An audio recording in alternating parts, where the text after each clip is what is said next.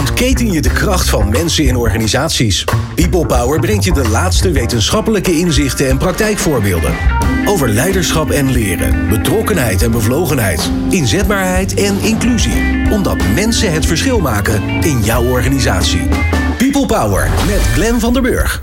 but I basically will dial back my effort and give you the minimum. So you pay me to do this job, and I will do the basic minimum amount to do the job, where you can't really fire me because I'm not really doing anything badly or wrong.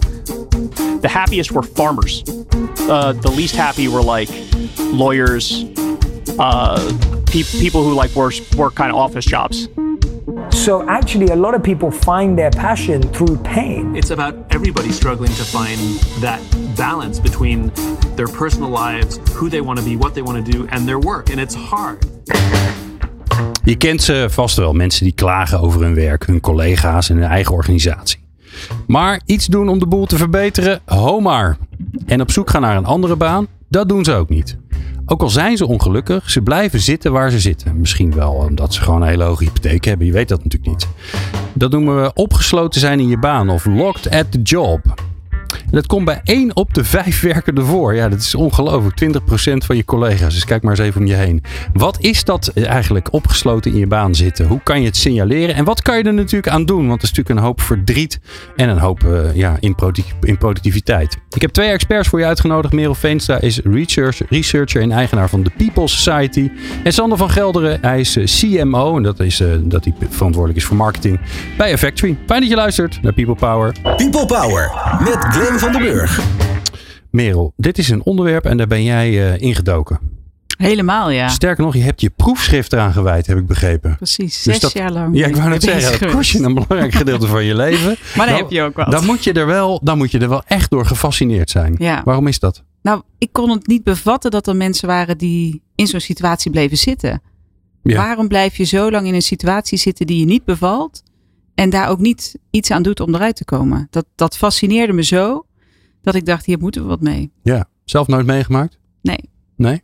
Nee, Ik maar wel veel collega's om me heen gezien die in zo'n situatie terechtkwamen waar ik dan het gesprek mee aanging. En dan probeerde in beweging te krijgen van waarom ga je dan niet iets anders doen?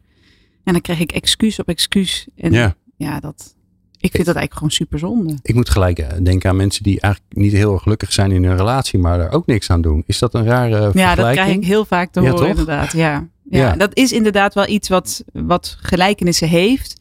Maar daar heb ik geen onderzoek naar gedaan. Dus Nee. ik, kan daar niet, eh, ik kan daar geen uitspraken over doen. Ja, locked at the job noem je het, hè? Ja. Wat, ehm, wat is het precies? Leg het eens aan me uit.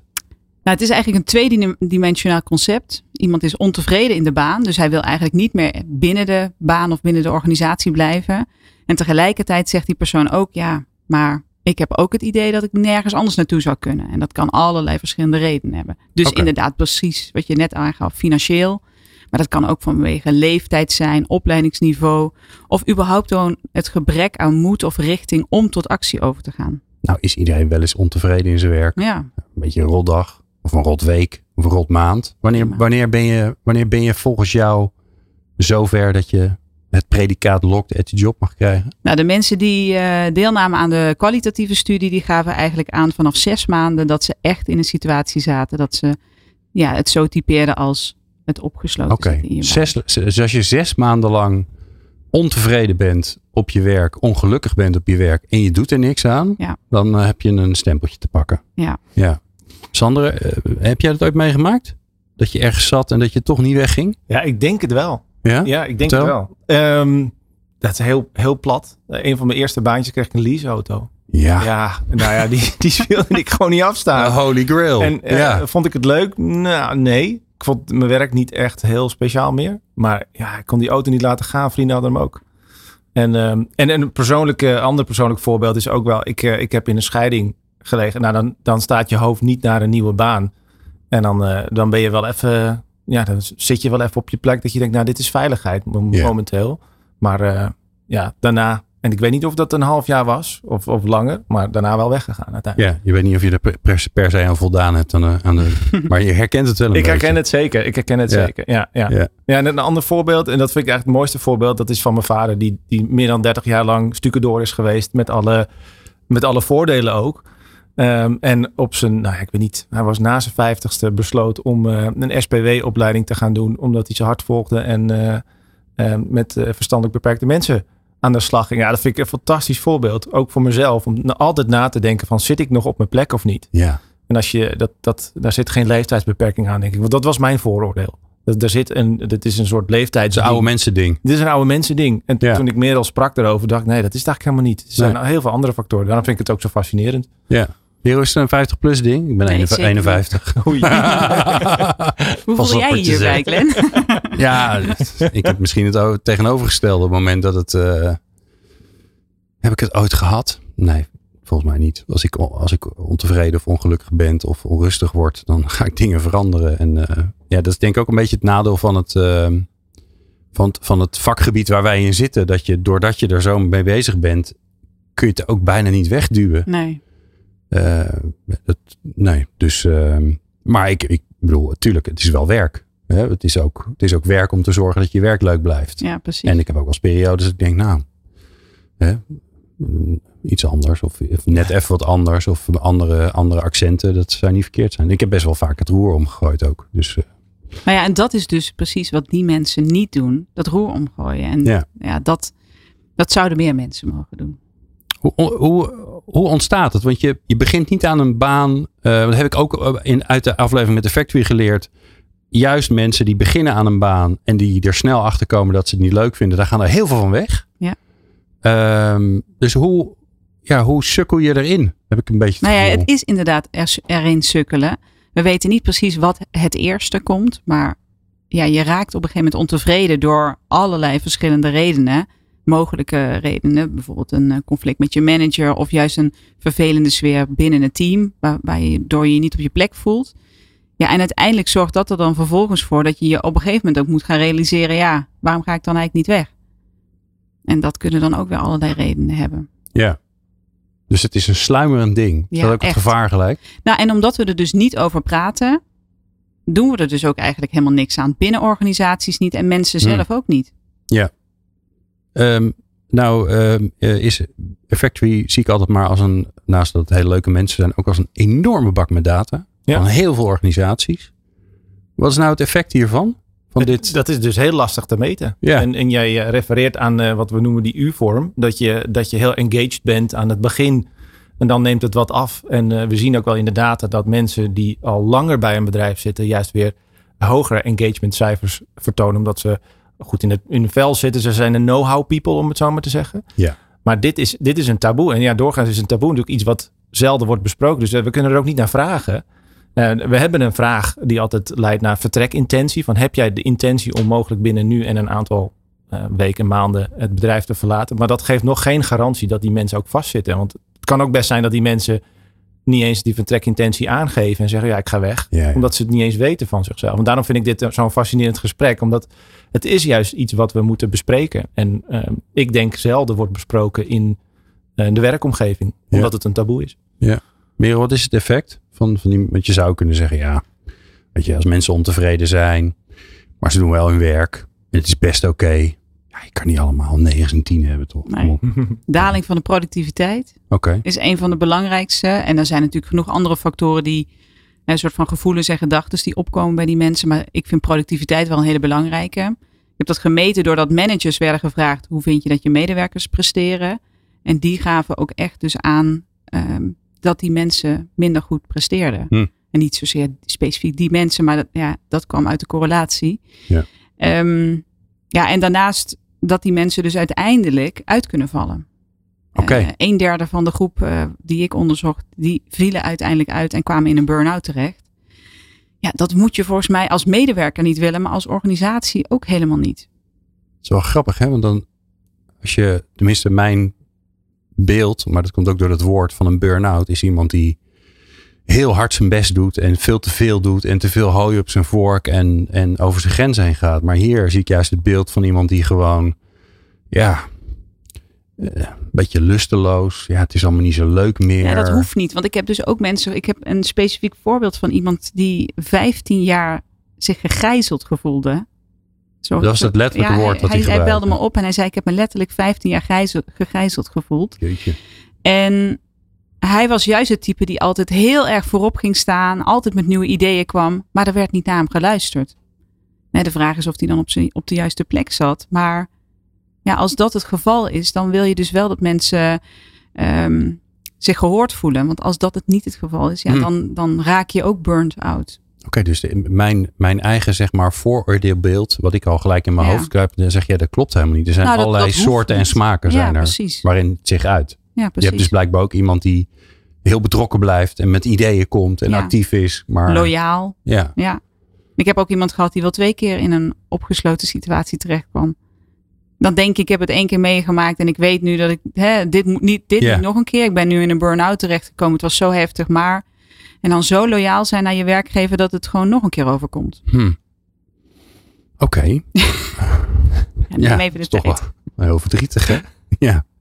Moet ook naar een, beetje, naar een beetje perspectief. Maar dat gaan we straks doen. Eh, want ik kan me voorstellen, als je hier naar luistert, dan denk je, ja, eh, oké. en eh, wat gaan we er dan nu aan doen? Nou, dat komt allemaal goed. Dat hoor je zo. Experts en wetenschappers over de kracht van mensen in organisaties. People Power. Merel Veenstra van de People Society en eh, Sander van Gelderen van Effector in de studio. We praten in het, eh, eh, ik weet het locked-in syndroom in mijn hoofd, maar die is natuurlijk helemaal locked at the job fenomeen. Eh, nou, jij kent het wel. eh, mensen die ergens werken, ze hebben het eigenlijk niet echt naar hun zin. Ze zijn eigenlijk ongelukkig. Ze willen eigenlijk misschien wel wat anders, maar ze blijven gewoon zitten. Daar komt het eigenlijk op neer. Het is een beetje eh, het fabeltje van de kikker in de pan. Als je die opwarmt, dat die ook blijft zitten als die pan maar langzaamaan warm wordt. Dat is overigens niet waar. Dat is niet waar. Gerepliceerd. hè. Dus dat is wel te grappig dat dat soort dingen een soort eigen leven gaan leiden. Maar dit is dus wel waar. Ja. Hè? Want Merel heeft, die, is er, eh, die is erop gepromoveerd. Dus is het waar. Ehm, is het nou iets wat iedereen kan overkomen? Want je vroeg het net aan mij en ik had gelijk zoiets van, nee hoor, ik regel dat wel voor mezelf. En uh, ga ik er zelf natuurlijk ook over nadenken van, nou, is dat eigenlijk wel zo? Maar is het, is het een Nou, gevaar denk- voor iedereen? Ja, ik denk dat het iedereen kan overkomen. Afhankelijk van die oorzaken, die, de reden waarom je ontevreden raakt en waarom je dus die perceptie krijgt dat er voor jou beperkte baankansen zijn, kan het iedereen wat mij betreft overkomen. Ja. Maar, er zijn wel een aantal groepen die een verhoogd risico lopen. oké. En die zijn? Ehm, als we naar persoonlijkheidskenmerken zijn, eh, kijken, dan zijn dat met name mensen die heel introvert zijn, die niet openstaan voor verandering en die emotioneel onstabiel zijn. Oké. En Ja. dan hebben we nog. Als En, we en, verder- die- in, die in die combinatie of Nee, eh, een niet. van de drie Nee. is al, Ja. eh, dat verhoogt al het risico? Ja. Oké, ja. En als we dan verder naar ehm, demografische kenmerken kijken, dan zagen we ook dat met name mensen die wat ouder zijn, die lager opgeleid zijn en die. ehm, eh, wat was nou de, leer- eh, de diensten, het aantal dienstjaren, dus dat ze een, meerdere dienstjaren hadden, of in ieder geval een hele langere periode ergens eh, werkzaam waren, dat die ook een verhoogd risico lopen. Ja. En dan komt de mooie, want je wil natuurlijk ook een beetje naar die positieve kant. Wat we ook zagen is dat als die drie groepen, leeftijd, aantal dienstjaren en eh, het opleidingsniveau, als je ervoor zorgt dat die mensen steun vanuit de organisatie krijgen om zichzelf te ontwikkelen, dus organizational support for development, ja, dan kan dat wel de mate van eh, het opgesloten zitten verkleinen. Ja.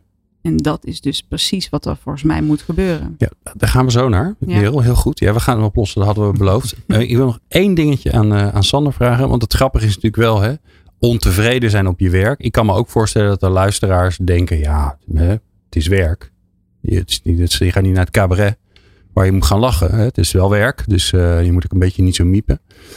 Dat ontevreden zijn op het werk, daar zijn redenen voor. De drivers voor engagement zou je andersom Ja. kunnen zijn. Ja. Handig om nog even te weten, waar, zijn de, waar moet je dan op letten? Dus wat zijn de dingen die mensen belangrijk vinden in hun werk? Ehm, autonomie is natuurlijk sowieso een belangrijke. Dus eh, dat je eigenaarschap hebt over wat je, wat je doet in je werk. Ja. Ehm, dat je eh, bepaalde eh, competenties hebt die je ook kan inzetten op de juiste manier. Dus dat je ook eh, niet alleen weet wat je doet, maar dat je dat ook daadwerkelijk eh, kan. Ehm, en verbondenheid met een groep mensen. Dus eh, ook, ook dat je ergens bij hoort, is, ja, daar zijn we vanuit de historie natuurlijk ook op geprogrammeerd. En dat zit er nog steeds in bij een hoop mensen. Ja, Dus dat ik zijn zit, wel echt factoren die meespelen. ik zit gelijk aan die, die ene meneer te denken die ongelooflijk zijn best deed, maar die totaal de verbondenheid miste, omdat hij helemaal niet gezien werd eigenlijk Ja. in de organisatie. Ja, precies. Ja, alright. Ehm, Oké, dit laten we vaststellen. Dit is een probleem. Eh, het zit één op de vijf mensen. Holy, dat is nogal wat. Eh, er zijn nogal gevaren. eh, los van de gezondheid van de mensen. Wat natuurlijk super belangrijk is. gaat de productiviteit naar beneden? Nou, in deze tijden van arbeidskrapte is dat natuurlijk doodzonde. Dus de vraag is, eh, wat gaan we eraan doen? Ja. Hoe, en ik, het eerste waar ik aan denk is dat taboe op zeggen. Eigenlijk vind ik het hier niet zo leuk meer. Ja. Nou, het Eh, begint, begint eigenlijk bij, daar? bewust, nou, het begint bij bewustwording. Weten dat dit überhaupt bestaat. Ja, oké. Want ik heb, krijg zoveel mensen die dan bijvoorbeeld zo'n radio-uitzending horen en zeggen: Ja, dit ben ik, ik voel me zo. En moet ik het dus zo noemen? Dus eerst überhaupt er een term aangeven en weten dat dat bestaat. Ja. Dat helpt mensen al om zich bewuster te zijn van het feit dat ze in zo'n situatie zitten. Dat ze niet alleen zijn. Precies. Dat het helemaal niet gek is. Precies. Ja, oké. Is ook helemaal niet gek.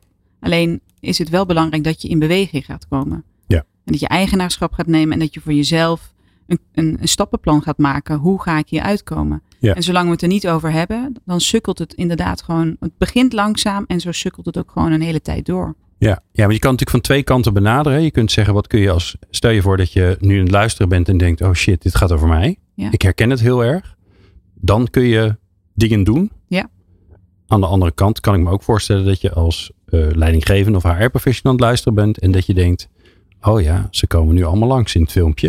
Ik weet eigenlijk precies waar over wie het gaat. Ja. Tenminste, ik denk het te weten. Wat moet ik doen? Precies. Laten we die tweede groep eens nemen, want dat zijn onze luisteraars. En als, Precies. je, ja, en als, je, als je denkt, het gaat over mijzelf, dan moet je volgens mij Merel gewoon bellen. Nee, juist niet. Oh, juist niet. Moet je Merel niet bellen. Nou ja, je kan me wel bellen.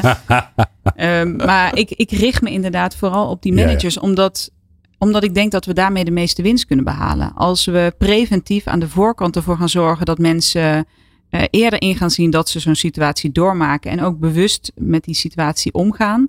En vooral het taboe gaan doorbreken wat op dit fenomeen rust. Ja. Wat niet alleen maar in de arbeidsmarkt wordt gecreëerd, maar ook daarbuiten.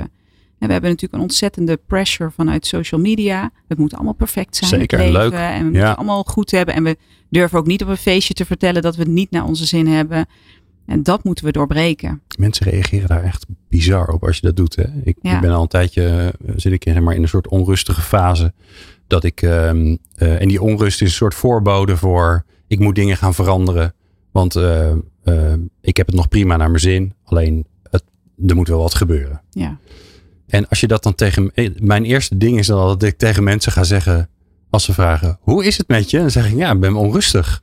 En dan zie je die angst in die ogen. mensen zei: Shit, hij zei niet goed. Hij zei: Ik had verwacht goed. En nu een leuk verhaal te horen. Hij zegt dat anders. Wat moet ik nu doen? Wat moet ik nu doen? ja, vind je dan ook dat mensen daar dus niet op voorbereid zijn? Ja. Niet iedereen. Ja. Ik, ik, ik zeg het niet tegen iedereen. Ik zeg het natuurlijk vooral tegen mensen die. Waarvan ik denk dat ze me goede vragen gaan stellen. Zodat ik zelf überhaupt erachter kom wat er aan de hand is. Want ik weet het voor een gedeelte nog helemaal niet. Maar, ehm, maar die, ja, je, je bent zo gewend om het daar eigenlijk niet over te hebben. Ja, Maar hier zit natuurlijk ook wel een probleem als het gaat om kwetsbaarheid, toch? Als jouw manager aan jou vraagt van eh, hoe gaat het met je? Ja, dan zeg je gewoon goed. Ja. Ik heb ook in Amerikaanse bedrijven gewerkt en dat was great, living the dream. Ja. Maar ja, Ja. was het ook echt zo? Ik weet het niet. Eh, dus Oh. eh, ja, ik weet vanuit mijn eigen rol dat ik dat altijd oprecht vraag. Als, mensen, als ik aan mensen vraag, hoe gaat het met je? Dat ik ook echt wil weten van, gaat het echt goed met je? Maar hoe doe je dat dan? Los van dat je het, dat je het echt wil weten. Hè? Dat, daar begint het. Maar hoe. eh, dan nog kan iemand zeggen: Ja, goed. Ja, ik denk dan altijd, er is een haalplicht, dus een soort zorgplicht hè, vanuit een managersrol. Maar er is ook een brengplicht. En ergens moet je elkaar daar zien te vinden en een veilige omgeving creëren samen. Eh, een veilige creëren, veiligheid creëren door, door betrouwbaar te zijn, door consistent te zijn, en noem maar op, goede afspraken te hebben. En vanuit die kant hoop je elkaar te vinden en het gesprek aan te Maar kunnen vaak gaan. zie je het toch ook wel. Of eigenlijk, je hebt toch ook een soort vermoeden. Hoe ga je daarmee om? Ja, nou, dat- zal het bij jullie zijn natuurlijk veel mensen die gewoon het superleuk hebben op hun werk. ja, Ja, ook een leuk bedrijf. absoluut. Maar ik kan me best voorstellen dat, je, dat, dat, je, eh, dat er iemand in je team zit en denkt, "Ah, ik weet niet, voor mij is er iets aan de hand. Ja, nee, ik, ik, denk, ik moet dan denken aan jouw vragen, Merel. Die, die twee vragen die jij eigenlijk stelt. Die zijn denk ik dan heel interessant om die is. Dus niet het, het daadwerkelijk te vragen. Want dat heb je mij ook Ja. verteld in het gesprek wat we hadden. Van niet te vragen, van, zit je, zit je vast in je baan? Ja. Ja, dan gaat Ja. iedereen van zeggen, nee, tuurlijk niet. Hallo. Maar je moet eigenlijk een soort indirecte manier hebben. Dat vind ik echt super interessant Ja. hoe je dat eh, aanpakt. Ja, eigenlijk. indirect gaan meten of mensen ehm, ja, op hun plek zitten. Indirect gaan meten. Dan moet je me even helpen. Nou ja, als je direct vraagt aan jou, heb je het gevoel dat je opgesloten zit? Dan zeg jij nee, nee, ik heb het Nee. nog naar mijn zin. En, eh, maar als we je vragen, ben je ontevreden in de baan die je op dit moment uitvoert? En hoe tevreden ben je eigenlijk? Want dan meet je eigenlijk ook die ontevredenheid. Ja. En vervolgens ook vraagt, in hoeverre heb je het gevoel dat jij ergens anders nog naartoe kunt en eh, de mogelijkheid hebt om weg te gaan? Nou, en als je daar beide heel negatief op scoort, En dan ja, heb je eigenlijk dan, twee assen. dan en zitten vier we, vakjes. Ja, en dan Ja. zit je letterlijk in die spagaat. Nou heb ik ooit van Factory geleerd dat eh, tevredenheid heeft eigenlijk niet zoveel zin. Mhm. Maar het is wel een woord wat jij bewust gebruikt. Ja. Waarom doe je dat? Ehm, ja, omdat ik het. Voor mij is het wel een soort van graadmeter om te kijken. ehm, in hoeverre iemand nog met, met. Nou, niet plezier, maar met overgave naar zijn werk gaat iedere dag. En daar eh, voldoening uit haalt. Ja. En dan specifiek in de baan die iemand uitvoert. Ja, ik kan me ook voorstellen, jij bent natuurlijk op zoek naar mensen die. Je, bent niet, je wilt eigenlijk niet per se meten hoe engaged mensen zijn, maar je wilt meten over ja. wie je zorgen moet gaan maken. Ja, precies. En dat is ook wat ik in de huidige maatschappij heel erg zie. Dat we altijd alleen maar naar de positieve kijken. Maar juist door dat negatieve te benadrukken. Wat natuurlijk heel eng is en spannend is om met iemand op een feestje daar een gesprek over aan te Ja. moeten gaan. Dat kan wel mensen helpen om eruit te komen. Ja. Kijk, en ik zelf. Maar jij zegt dus, ehm, eh, eh, ga het meten in je organisatie. Ja.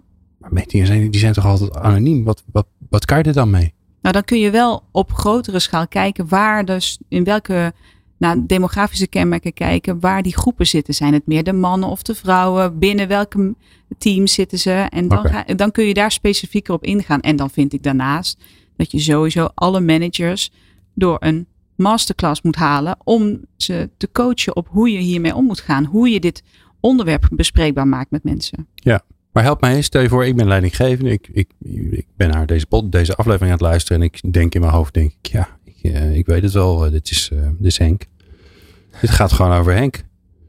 Ja, wat moet ik nou doen? Want ik voel me toch wel verantwoordelijk. Eigenlijk wist ik het al heel lang. Ja. Maar nu kan, ik, nu kan ik er niet meer onderuit. Ja. Ik weet nu dat het ook een ding is. Dus Nou, het- help. Ja, het belangrijkste begint bij het goede gesprek voeren. Ja, Ik noem dat, Dat dan kan ik op je niet. plek. Ja, nee, dan, anders was het nooit gebeurd, Merel. En dan was Henk niet zo nou, dan ontevreden kom ik wel even langs om je erin eh, in te coachen. Nee, Ja, maar help maar. Eh, ik denk dat het belangrijk is dat, dat je ook vooral in deze leert van andere managers. In hoe andere managers het doen. Hè. Kijk naar Sander bijvoorbeeld. Ja. En, Kan Sander, eh, Sander kan het. Dat weet ik niet. Ik denk Ja? het wel. Als ik hem zo hoor praten, dan denk ik dat hij er heel goed in is. Maar Ja. ik denk dat het goed is dat je, dat je zo'n groep managers bij elkaar zet. En vooral met elkaar ehm, het onderwerp bespreekbaar maakt. En ook vooral de individuele cases met elkaar gaat bespreken. Oké. Ik sprak laatst bijvoorbeeld een, eh, een managing director bij een bedrijf. En die zei: eh, Ja, ik heb een manager hier in het team zitten. En die, eh, die wil iemand behouden. Maar die zegt eigenlijk, die medewerker, dat hij nog maar voor 70% eh, niet meer tevreden is. En eigenlijk niet meer wil blijven zitten. En die manager van mij wil hem toch nog een nieuw contract aanbieden. Hm. Waarop die managing director zegt: Ja, ik weet eigenlijk helemaal niet of ik daarop zit te wachten. Ja, dat soort gesprekken moeten er wel gevoerd worden. Ja. En, dan, en ik snap dat het ontzettend lastig is om nu vooral te denken: laat ik maar een beetje wegkijken, laat ik maar niet het gesprek met die persoon aangaan, want hij is nog maar voor 50 of 60 procent productief. Ja, Maar beter dan niks. Beter dan niks. Ja, Maar zo iemand wordt 100% meer gelukkiger als die ergens anders naartoe gaat. ja. Het, Ja. het klinkt heel erg als, wij hebben dan de term bevlogenheid. Dus dat is de mate waarop mensen geïnspireerd eh, en, en energie krijgen van hun, eh, hun werk. En we zien ook dat, dat 70, 75 procent eh, is wel bevlogen. Dat is best een groot deel wat het niet is. En dat uitzicht inderdaad natuurlijk waar we het net over hadden. Hè, productiviteitsverlies. Maar op, ik geloof op Gallup heeft een onderzoek gedaan dat 1, nee, 8,1 biljoen dollar aan productiviteitsverlies wereldwijd is. Alleen maar omdat mensen niet bevlogen zijn. Eh, wat ik altijd een mooi voorbeeld vind van onze klanten, hoe die dat kunnen gebruiken met, met ons platform bijvoorbeeld, is gewoon de vragen stellen en het construct eh, bevlogenheid gaan meten. Maar iedere individuele medewerker krijgt dat ook in zijn eigen, dat heet dan een My, my Feedback omgeving, waarbij je eigenlijk jouw uitkomsten ziet ten opzichte van Ah, jouw teamgenoten bijvoorbeeld. Of ten opzichte van eh, een andere benchmark. En dat geeft eigenlijk een hele mooie ingang, ook vanuit jezelf, dus als vanuit individu, om te zeggen van, hé, hey, wacht eens even.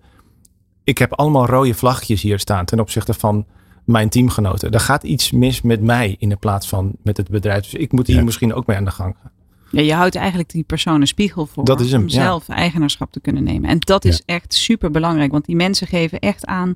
Dit is mijn taak. Ik ben- ben hier zelf verantwoordelijk voor. Maar het lukt ze niet. Ze zijn niet in staat om dat eigenaarschap te nemen. Dus je moet die mensen echt aan de hand meenemen. Ja. En hierin Ze zitten letterlijk vast. Hè? Ja. Dat heet niet voor niks zo. ja, ze zitten letterlijk vast. Alright. Ehm, waar ik het zo met jullie over wil hebben eh, is eh, hoe krijgen we ze los? Ja. Ehm, dus eh, één is bewustzijn. Oh ja, ik, dit gaat over mij. Twee is ehm Taboe doorbreken. uba- het taboe doorbreken. Zorgen dat het überhaupt bespreekbaar is. Maar dan vervolgens moet je mensen nog los zien te krijgen. En dat hoor je zo. Hoe ontketen je de kracht van mensen in organisaties? People Power. Merel Veenstra van de People Society en Sander van Gelder van Effectory in de studio. We praten over het eh, locked at the job. eh, ik wil het steeds syndroom noemen. fenomeen. Eh, het feit dat het zo is. Eén op de vijf mensen. het kost je als werkgever heel veel geld. Wat je niet, op de, niet in de boekhouding terugziet. Maar het is wel zo. Ehm, ja, iemand zit vast. Merel. Iemand zit gewoon echt vast. Ze zijn erachter dat ze vastzitten. Eh, die manager heeft ondertussen van jou geleerd hoe hij een goed gesprek moet voeren. Dus die is daar een beetje mee begonnen. Maar dan nog zit iemand vast. Ja. En de redenen waarom die vast zit, die zijn nog niet weg. Wat zijn de beetje de meest voorkomende redenen waarom iemand vast zit? Ja, vaak toch wel een conflict met, met een manager. Of dat maakt het dus ook meteen heel erg lastig. Maar Die ieder manager die dat goede gesprek Ja, moet voeren. precies. Ja, oké. ja. Die, en die is vaak niet gewoon goed in het voeren van het goede gesprek. Ehm, en daarnaast ook gewoon ehm, ja, die, dat gebrek aan waardering en erkenning. Waardoor iemand gewoon zegt, ja, ik ben hier wel uitgeleerd. Dit is het maximaal haalbare voor mij. Ja, en nu? Oké. Het grappige is dat het. Nou, is helemaal niet grappig. Het zijn allemaal eigenlijk signalen, Sander. ehm, dat die organisatie niet op een goede manier met zijn mensen omgaat. Simpel gezegd. Hè, dus als Ja. je natuurlijk een conflict met je leidinggevende, dat is natuurlijk super vervelend. eh, en die, die moet je natuurlijk oplossen. En als je dat niet doet, dan laat je volgens mij als leidinggevende laat je een probleem liggen. Maar zeker ook als je je mensen niet genoeg waardeert, als je ze niet genoeg kansen biedt, dan, ik zou bijna zeggen, eh, kansloze missie. Bijna wel. Ja, Toch? en, en, Dat, ik vind het een beetje een verdrietige eh, conclusie, maar ja. dan is er gewoon echt wat met die organisatie aan de hand. ja, je moet het echt bij de kern aanpakken, denk ik. En, eh, in, in principe wil je zeggen, laat het niet bestaan en ga het gesprek aan. Maar dat is dus wel lastig. En zonder heel diep in te gaan op de, de theorie van Lencioni. Ik denk dat vertrouwen super belangrijk is. En, en eigenlijk wel misschien de voedingsbodem voor een gezond conflict is. En, en als je dat niet kan, dan moet je alternatieven, denk ik, aanbieden. Ehm, en misschien is dan de directe gang naar een manager wel niet de juiste. Maar moet je Ja. juist ook een soort eh, teamcoach ernaast zetten. Als een soort driehoeksverhouding creëren. Waarbij je zegt, als je nou echt een conflict hebt. Of je zit met andere dingen die niet taakgerelateerd zijn bijvoorbeeld. Heb je ook een andere persoon. En dat kan dezelfde zijn. Maar dat kan in sommige gevallen natuurlijk ook een, een derde persoon zijn. Ja. ja, en ik kan me ook voorstellen dat er, dat er HR-professionals luisteren en die denken: Ja, ik weet wel, het is eh, Henk. En Het is Henk bij afdeling X. Want bij afdeling X, daar zit eh, eh, Miranda, dat is de leidinggevende.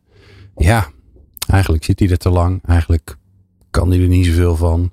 Eigenlijk eh, zijn er meer mensen die problemen met haar hebben. Eigenlijk hebben we dat een beetje laten lopen met z'n Ja. allen. Ja, en dan zie je dus dat je bij de kern van het probleem aan de slag moet gaan.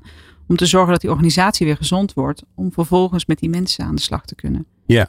Het is ook iets wat een, wat een beetje top-down moet worden ge- doorgevoerd. Want je kunt nu wel tegen mensen zeggen die luisteren. Zit je niet op je plek, ga met je manager praten. Ja, begin een, begin dat- een B&B, ergens leuk. Ja, maar ja, dat, dat is prima. Als je al weet wat voor stap je daarna wil gaan maken. Maar die Ja. mensen die opgesloten zitten, die weten vaak niet van wat, wat dan nu hierna. Dus Als je dat nog niet weet, dan is het zo'n stap naar zo'n manager soms heel spannend.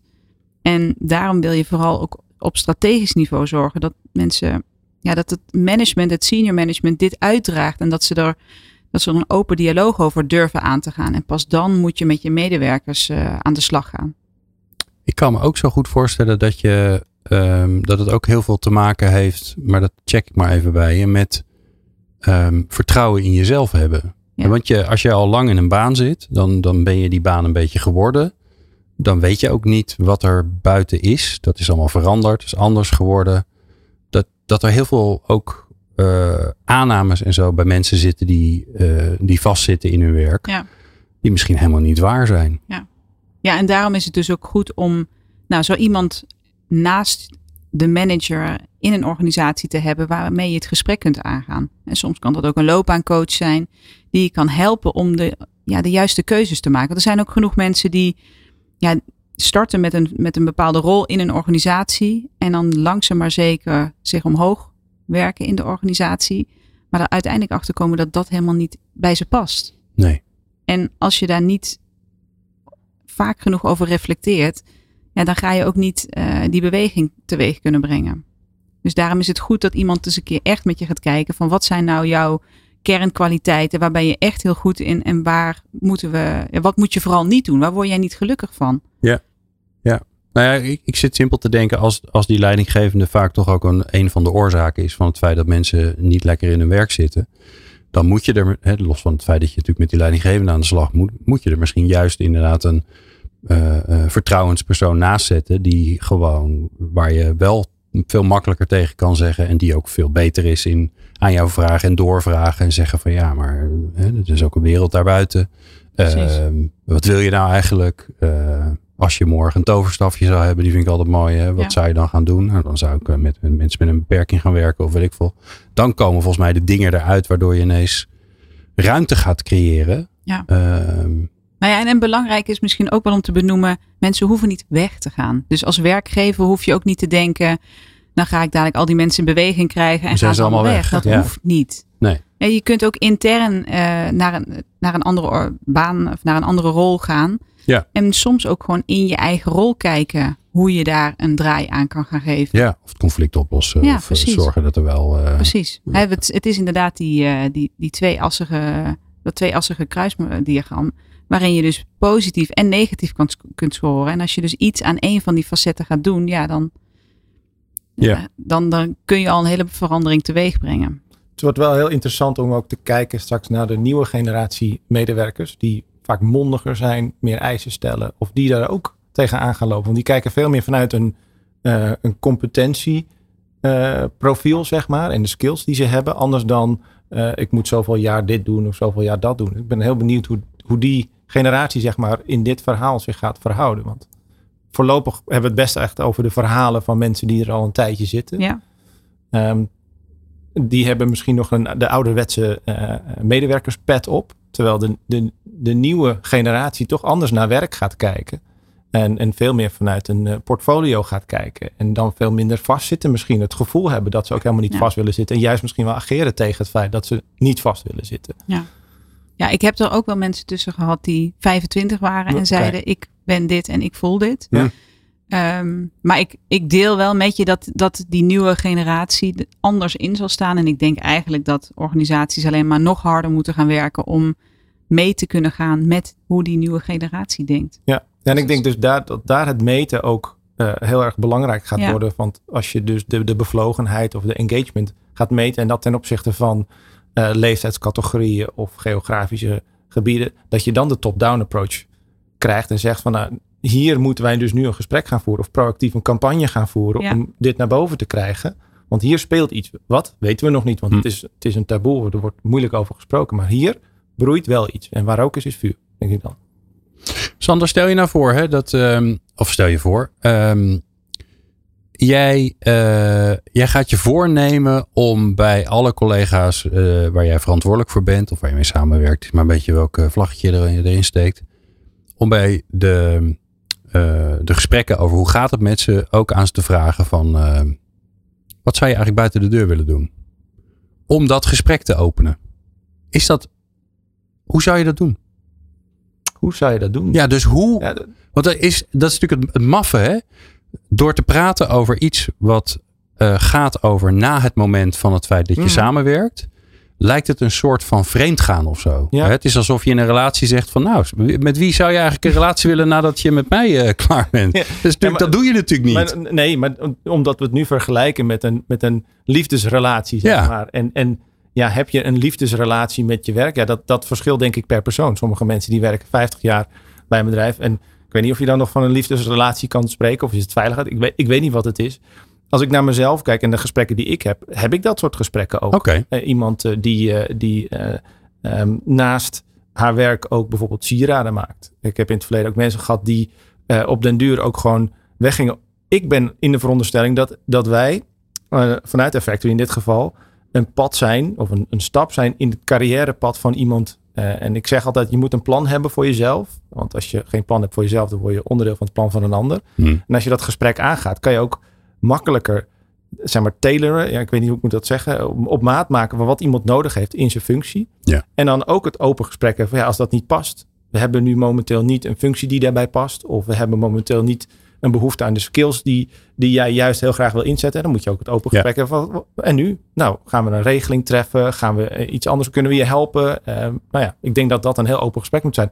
Ik ga er nooit van uit dat iemand een leven lang bij mijn bedrijf gaat werken. Ja. Ik vind het altijd, ja, het is een, het is een eh, give and take. En ehm, ja, dat moet van beide kanten nog goed voelen. Ik, anders werk je mee aan het opgesloten zitten, Ja. denk ik wel eens. Ik denk, ik denk dat dat een hele mooie is. Dat je inderdaad, en dat, daar gaat ook dat hele duurzame inzetbaarheid over. Dat je niet nadenkt over waar wil je de, het komende jaar je in gaan in verdiepen. Maar waar wil je de komende vijf, tien jaar mee bezig zijn. En als dat niet binnen deze organisatie is, helemaal fijn. Maar wat dan Ja. wel? En denk daarover na. En dat is ook meteen weer een belangrijke. Dit onderwerp, dat raakt een heleboel ehm, subthema's. En duurzame Ja. inzetbaarheid, leiderschap, arbeidsmobiliteit. Ja, vind ik ook een beetje het gevaar. Ik heb dat bijvoorbeeld ook, en het maakt eigenlijk niet zoveel uit welk onderwerp we het over hebben. Of het nou over duurzame inzetbaarheid hebben of voor employer branding. Voordat je het weet, kom je uiteindelijk weer, dus voor Effective is dat heel fijn, weer uit op de kern. Namelijk, ehm, wat, waar zorg je nou eigenlijk voor, voor je collega's? Hè? Wat voor werkomgeving creëer je nou eigenlijk? En hoe ga je met elkaar om? Ja. En als je dat niet gefixt hebt, ja, dan kan je je employer branding wel vergeten. Kan je je duurzame inzetbaarheid wel vergeten. Krijg je mensen die uh, locked at jobs zijn. Nou, kortom, terug naar de basis. ja, nou dat is dus gelijk Ja. mijn vraag. En jou laten we daar even de laatste minuten aan besteden. Eh, ik kan me ook voorstellen dat eh, nou ja, de mensen die eh, fijn aan het luisteren zijn naar dit, eh, dit programma. Dat die denken, ja jeetje zeg. Ik Moet de hele boel op zijn kop gooien. En dat, A, dat kan ik niet. En B, daar heb ik de, de, de tijd en de energie niet voor. Maar ik mag het ook helemaal niet. Dus hoe kan je toch een begin maken zonder dat je de hele bedrijfscultuur op zijn kop zet? Voor dat goede gesprek. Ja. En ehm, morgen heb ik een uurtje tijd. Wat ga ik doen?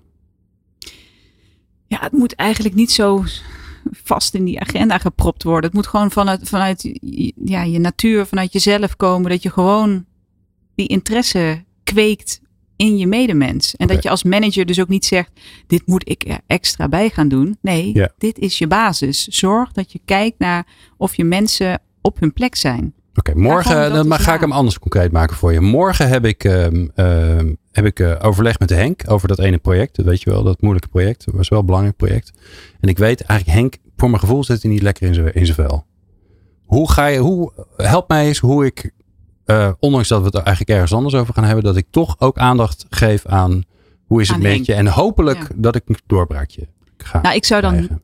in dit geval, als ik de manager zou zijn die niet heel erg normaal daarna vraagt. Ja, nee, ik moet dat leren. Hè, dan zou ik daar ook niet meteen naar vragen van... hey Henk, je zit niet op je plek. eh, wil je misschien wat anders? Want dan denkt Henk, dan Ja. moet ik weg. Hij wil van me af. Precies. Zij wil van me af. Ja. Dus ik zou dan klein beginnen en alleen al naar het project kijken... waar hij op dat moment mee bezig is. En gaan vragen in hoeverre hij het naar zijn zin heeft in het project wat hij uitvoert. En de, of er bepaalde aspecten zijn die hij misschien anders zou willen gaan invoeren. Anders willen gaan doen. En of hij er hulp bij nodig heeft.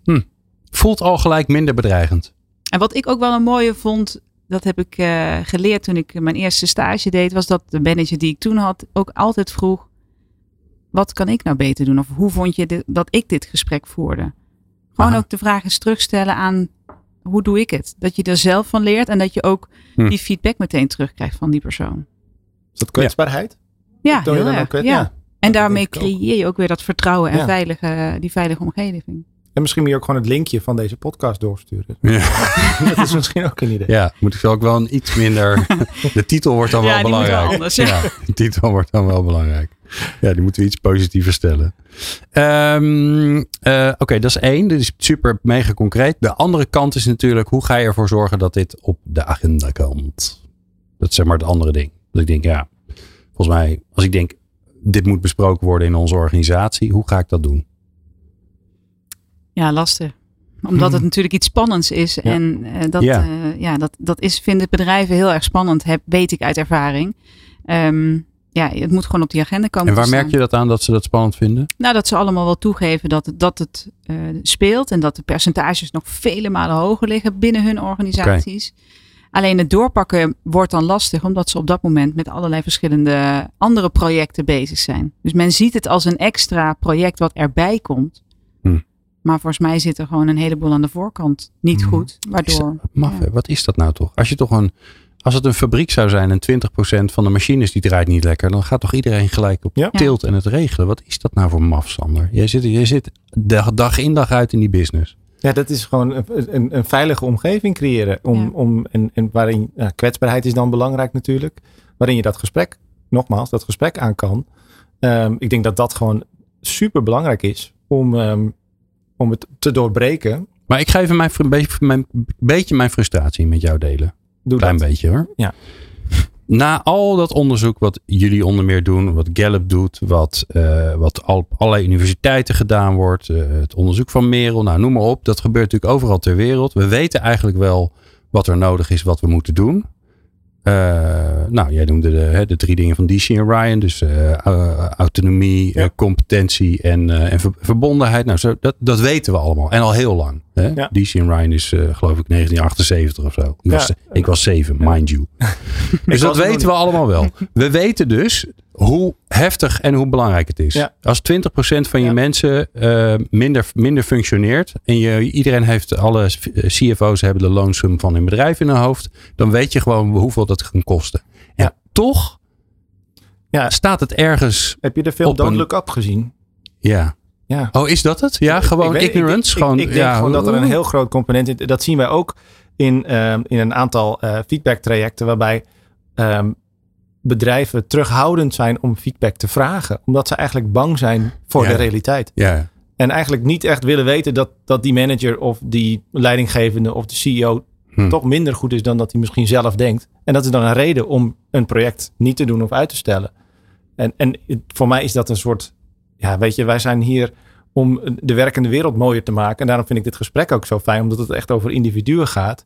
Ja, dit past er bij mij echt niet in. Omdat ik juist denk van je moet juist die spiegel voorhouden. Je moet juist naar boven krijgen waar het lekt. En, en ik denk dat, dat dat was ook in het gesprek wat ik met Merel had. Zo'n mooi voorbeeld. Het lekt misschien nog niet hard genoeg. Nee. Dus de, de kraan druppelt wel. Maar we zien dit nog niet terug in de rekening. Eh, Ja. Tenzij we heel erg goed gaan doorrekenen hoeveel druppels. Maar dat doen we niet. En op het moment dat we dat echt gaan doen. Ja, dan. Dan wordt het echt relevant. Dan moeten we er echt wat aan doen. Ja, en je weet eigenlijk gewoon als, als je er niks aan doet, dan gaan die 20% mensen, daar gaan mensen van uitvallen. Daar worden mensen Ja. ziek. Daar, eh, die gaan mensen die gaan vervelend spreken over je organisatie. Dus het, dat, dat kun je wil gewoon, je dat gaat niet. gewoon Dat wil je gebeuren. Nee. Dat wil je toch niet, Dat lieve wil luisteraars? Pak het En aan. daarom is het tijd om nog meer afleveringen van People Power te luisteren. Nee, en vooral aan de slag te gaan. Want er moet wat veranderen in de wereld.